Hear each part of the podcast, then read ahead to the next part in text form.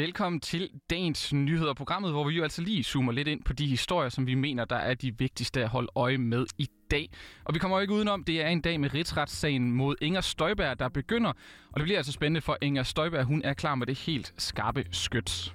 Ja, Martin, og så skal vi også se nærmere på Zulu Comedy Gala, og den tale Sofie Linde holdt sidste år, da hun var vært. Ja, den tror jeg, vi er mange, der stadigvæk øh, husker. Til sidst så skal vi altså også øh, tale om øh, gårdsdagens VM's kvalifikationskamp mellem Danmark og Skotland. Vi skal naturligvis også lige omkring dagens avisforsider. Yes. Og din hverdag i dag, det er jo altså dig, Anna Munk og mig, Martin Sødmand. Velkommen til. Anna, Ja. Vi starter jo lidt i den tunge ende. Vi, Mhm. øh, vi starter altså lige med den her rigsretssag mod Inger Støjberg, der begynder i dag, for øh, det er jo altså en sag, der virkelig har krævet sin øh, plads i mediebilledet. Må man sige, at vi har også øh, dækket det meget efterhånden. Ekstensivt. Ja, det er jo det. Øhm, siden det her flertal i Folketinget tilbage i januar stemt for at stille Støjberg for en øh, dommer. Mhm. Og det hele bunder jo den her sag fra 16, hvor hun som øh, daværende udlænding og integrationsminister ifølge Instrukskommissionen gav en ulovlig ordre om, at øh, unge asylpar på landets asylcenter skulle adskilles. Et øh, emne, der har været ret så hæftigt debatteret, må man sige. Det har det i hvert fald. Og nu, nu tog jeg for god ordens skyld lige og så alle de gamle interviews med hende og ja. tjekkede op på sagen. Og øhm, det er jo lidt interessant, fordi vi kan, vi, jeg tror, alle kan blive enige om, at tvangsægteskaber mellem meget ældre ægtefæller øh, eller alders, ja. ja. en stor aldersforskel, Stor er, aldersforskel er, er noget, noget- er noget rigtig gris. Men, øhm, men det man jo så fandt ud af, hun, hun var jo blandt andet i Detektor, hvor at man, øh, man efterprøvede de her tal Mm. øhm, på aldersforskellen mellem de respektive ægtefæller. Og der var blandt andet et eksempel, som blev fremhævet af Inger Støjberg med en 17-årig pige og en 50-årig mand. Ja. Som man så senere finder ud af er far og datter. Ah, Højst sandsynligt. Og jeg tror, at hvis du kigger på listen over øh, ægtefæller, som er blevet adskilt, så mange af dem er jo 16 og 18, for eksempel. mm, Så den ene er mindreårig stadig, ja, men der er så lille aldersforskel, at vi i hvert fald efter danske normer vil sige, at det var et helt legitimt relation. ja, det er ret interessant. Men altså, nu nævner du, du har kigget lidt på- det. Jeg ved ikke, om du også har stødt på, at uh, Inger Støjberg har oprettet sin egne hjemmeside uh, med henblik på at opdatere sin vælger om forløbet sådan uh, løbende her. Det synes jeg også er ret hissigt, ikke? Altså, det, de har nogle gode, øh, hun har nogle gode PR-folk sikkert. Øh, og det vil hun altså gøre med sådan lidt øh, små videoer, hvor hun fortæller om sine oplevelser ved de her retsmøder og sådan noget, Mm. der venter jo. Og altså man kan sige, hun, hun, hun springer ud i det som en slags blogger, mens øh, den her sag står på. Ja. Det er ret interessant. Det er ret interessant at se, om, om vi har en, øh, om vi har en øh, Masha Wang gemt i øh, Inger Støjberg, som øh, kan finde ud af at profilere sig selv som, øh, som blogger. Ja, det er i hvert fald ret specielt. Og øh, Hans Engel, der er politisk kommentator, han har også sagt øh, sådan her om hendes øh, lidt usædvanlige strategi. Der er ingen som helst tvivl om, Inger Støjberg har valgt en enorm offensiv linje i forbindelse med rigsretssagen. Ja, det er jo altså en linje, hun har kørt hele vejen igennem, hvor hun jo også har øh, fastholdt sin øh, uskyld, øh, forståeligt nok, men jo måske. Og det er en linje, som hun også kommer til at opretholde under sagen, lyder det altså fra Hans Engel. Hun vil se sine tidligere embedsmænd i øjnene, øh, eventuelle politikere og andre viderne i øjnene, og hun vil være klar i forhold til medierne, og hun vil øh, selv øh, kommentere, hvad der kommer af indlæg. Ja, meget karakteristisk for Inger Støjberg. Hun er altså klar til kamp, øh, må man sige, og øh, spørger man Hans Engel, så er det jo nok øh, også måske den bedste strategi. kommunikationsstrategisk, der vælger hun jo super skarpt, fordi hun vælger at gå ind på en bane, hvor ingen rigtig kan modsige hende. Altså dem, der stemmer for rigsretssag, og som er hendes kritikere og modstandere, de vil formentlig de fleste af dem sige, at vi blander os ikke, så længe retten sidder. Og dem, der støtter hende, de vil støtte hende for fuld tryk i læserbrev og alle steder. Og Støjberg selv, hun er fuldstændig fri bane. Det er så spændende at se øh, de kampklare. Ja, det er det også, men også fordi det er en rigsretssag. De er så sjældne. Det er bare sådan, altså, Ja. ja. sjovt at se noget, der er så... Det er en politisk indjørning. Ja, at det er det, det, er at det lidt. få se det her Politisk udspille indjørning, sig. Ja. Ja, øh, ja, vi må se, hvordan det forløber. Altså, det sidste retsmøde, det bliver i hvert fald afholdt øh, 30. november, så der er en, en del øh, spænding og øh, retssager at det se frem til. Nå, Martin. Ja. Nu skal vi tale lidt om MeToo. Det skal vi. Og det skal vi jo, fordi at i aften, der er det Suli Comedy Gala. Zulu. Suli? Sally Suli? Ja, Zulu Comedy Det er Zulu. øh, Gala. Ja. Øh, Comedy Gala.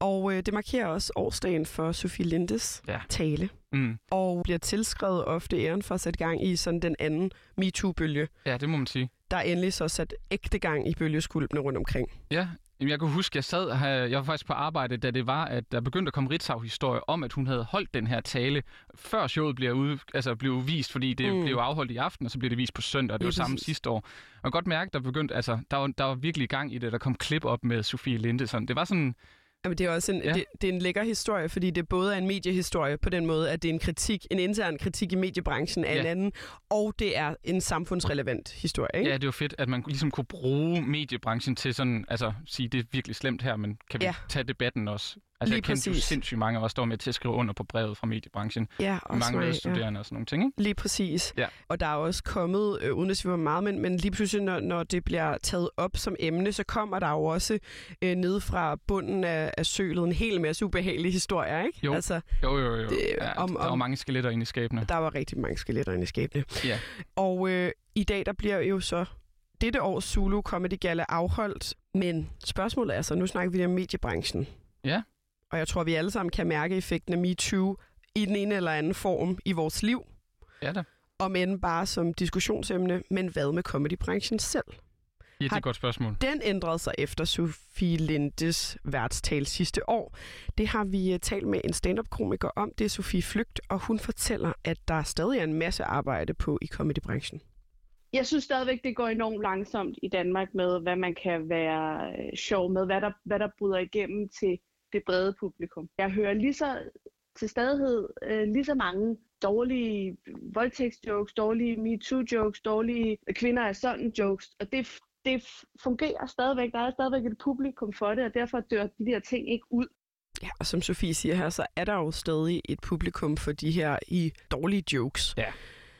Så Martin, uanset hvor meget man måske ønsker, at øh, stand-up-komikerne tager et ansvar på sig, så kan vi ikke løbe, øh, løbe fra, at, at humor jo også er en afspejling af, hvad mennesker synes er sjovt. Ja, men 100 procent. Altså, det er jo, altså, comedy er jo super, super subjektivt. Øh, Meget. Der, øh, og grænsesøgende, grænsesøgende og grænseoverskridende. Og grænseoverskridende. Altså, nu er jeg jo ja. kæmpe, kæmpe fan af sådan en som Ricky Gervais, men det er også, fordi han siger tingene, som de er.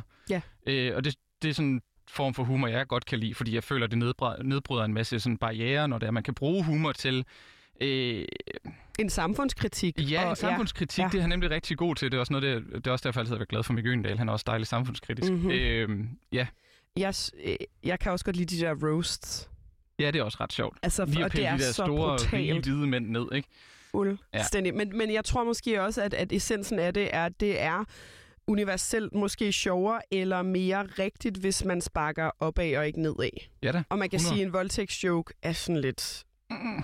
Ja, anyways, jeg har også en urimelig, øh, horribel humor øh, til tider, så jeg skal slet ikke sige noget. Men vi skal altså, Martin, hvis vi ønsker, at MeToo også skal indfinde sig på comedy-scenen, yeah. so to speak, så skal vi også selv være med til at steppe op og sige fra, fortæller Sofie Flygt i hvert fald dem, der har succes langt hen ad vejen, er dem, der forstår at være folkelige på den helt brede palette. Altså, hvor man ikke siger noget, der gør ondt på nogen. Så længe de kan få nogen til at grine, så bliver de jo bare ved med at lave scener. Og så må publikum se sig selv i øjnene og sige, bliver jeg ved med at grine af den samme homofobiske, sexistiske, racistiske joke her på 20 år? Måske skulle jeg kigge indad.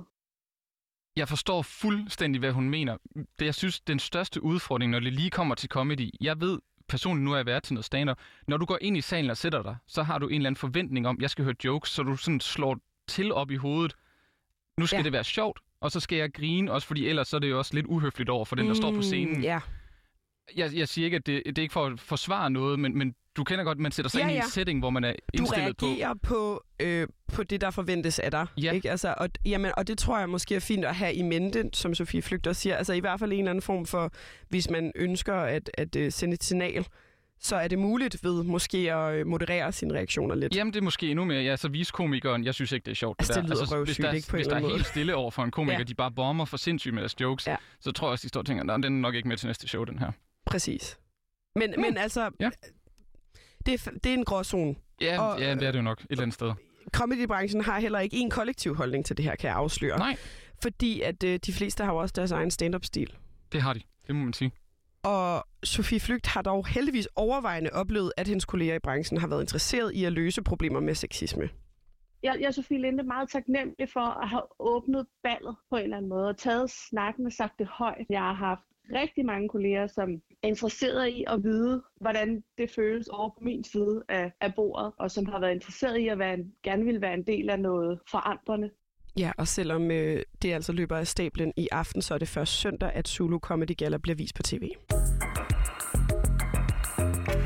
Super interesseret fodbold. Øh, Anna, øh, så du landskamp i går? Det kan du tro, jeg ikke gjorde. Ja, lige præcis. Vi skulle tidligt op jo, ikke? Ja. Men øh, Danmark spillede jo VM-kvalifikationskamp mod Skotland, hvor det selvfølgelig fristes næsten til at sige, blev til en uh, sejr for Danmark, fordi det går bare godt for Danmark og ja, fodbold lige nu, ikke? det gør det bare. Det, øh, ja, og EM-euforien, den, den, uh, den bølger stadig over os. Altså, det er jo det er frisk i hukommelsen. Og den har lagt sig lidt for mig, men Damsinho, den... den... Damsinho og Mele, og uh, det er godt. Nå, en, der også er helt tosset med fodbold, jeg, jeg pisker en stemning op, op nu, kan jeg godt mærke, det er jo vores kollega øh, Mathias Damgaard Holst. Han var faktisk i parken i går. Der var faktisk flere af vores kolleger. Men øh, lige præcis Mathias, han var så altså derinde.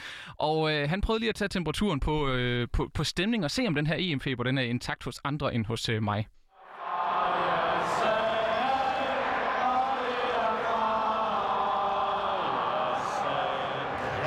Kan høre, så står jeg herinde i parken til et, øh, ifølge DBU, fuldstændig udsolgt parken. Øh, og vi står her ved den røde mur, og øh, med, mig, med, med mig har jeg Rasmus Åkær Mortensen. Og Rasmus, øh, kan du ikke lige prøve at beskrive den stemning, der er i parken lige nu? Den er helt ekstatisk. Man kan stadig mærke meget, meget den tiltro på det her landshold her. Og føler du stadig, at man kan mærke noget af den øh, EM-feber, øh, der ligesom var her i sommer? Kan du, kan du fornemme den her i aften også? Uden tvivl. Ja, man har allerede kunne mærke det uden for stadion, hvor stor en tiltro, der har kommet til det her landshold, og hvor stor en glæde, de har bragt os her igennem sommeren, og specielt efter corona, er det noget, vi alle sammen har kunne samles omkring. Så uden tvivl. Kanon, tak for det, Rasmus.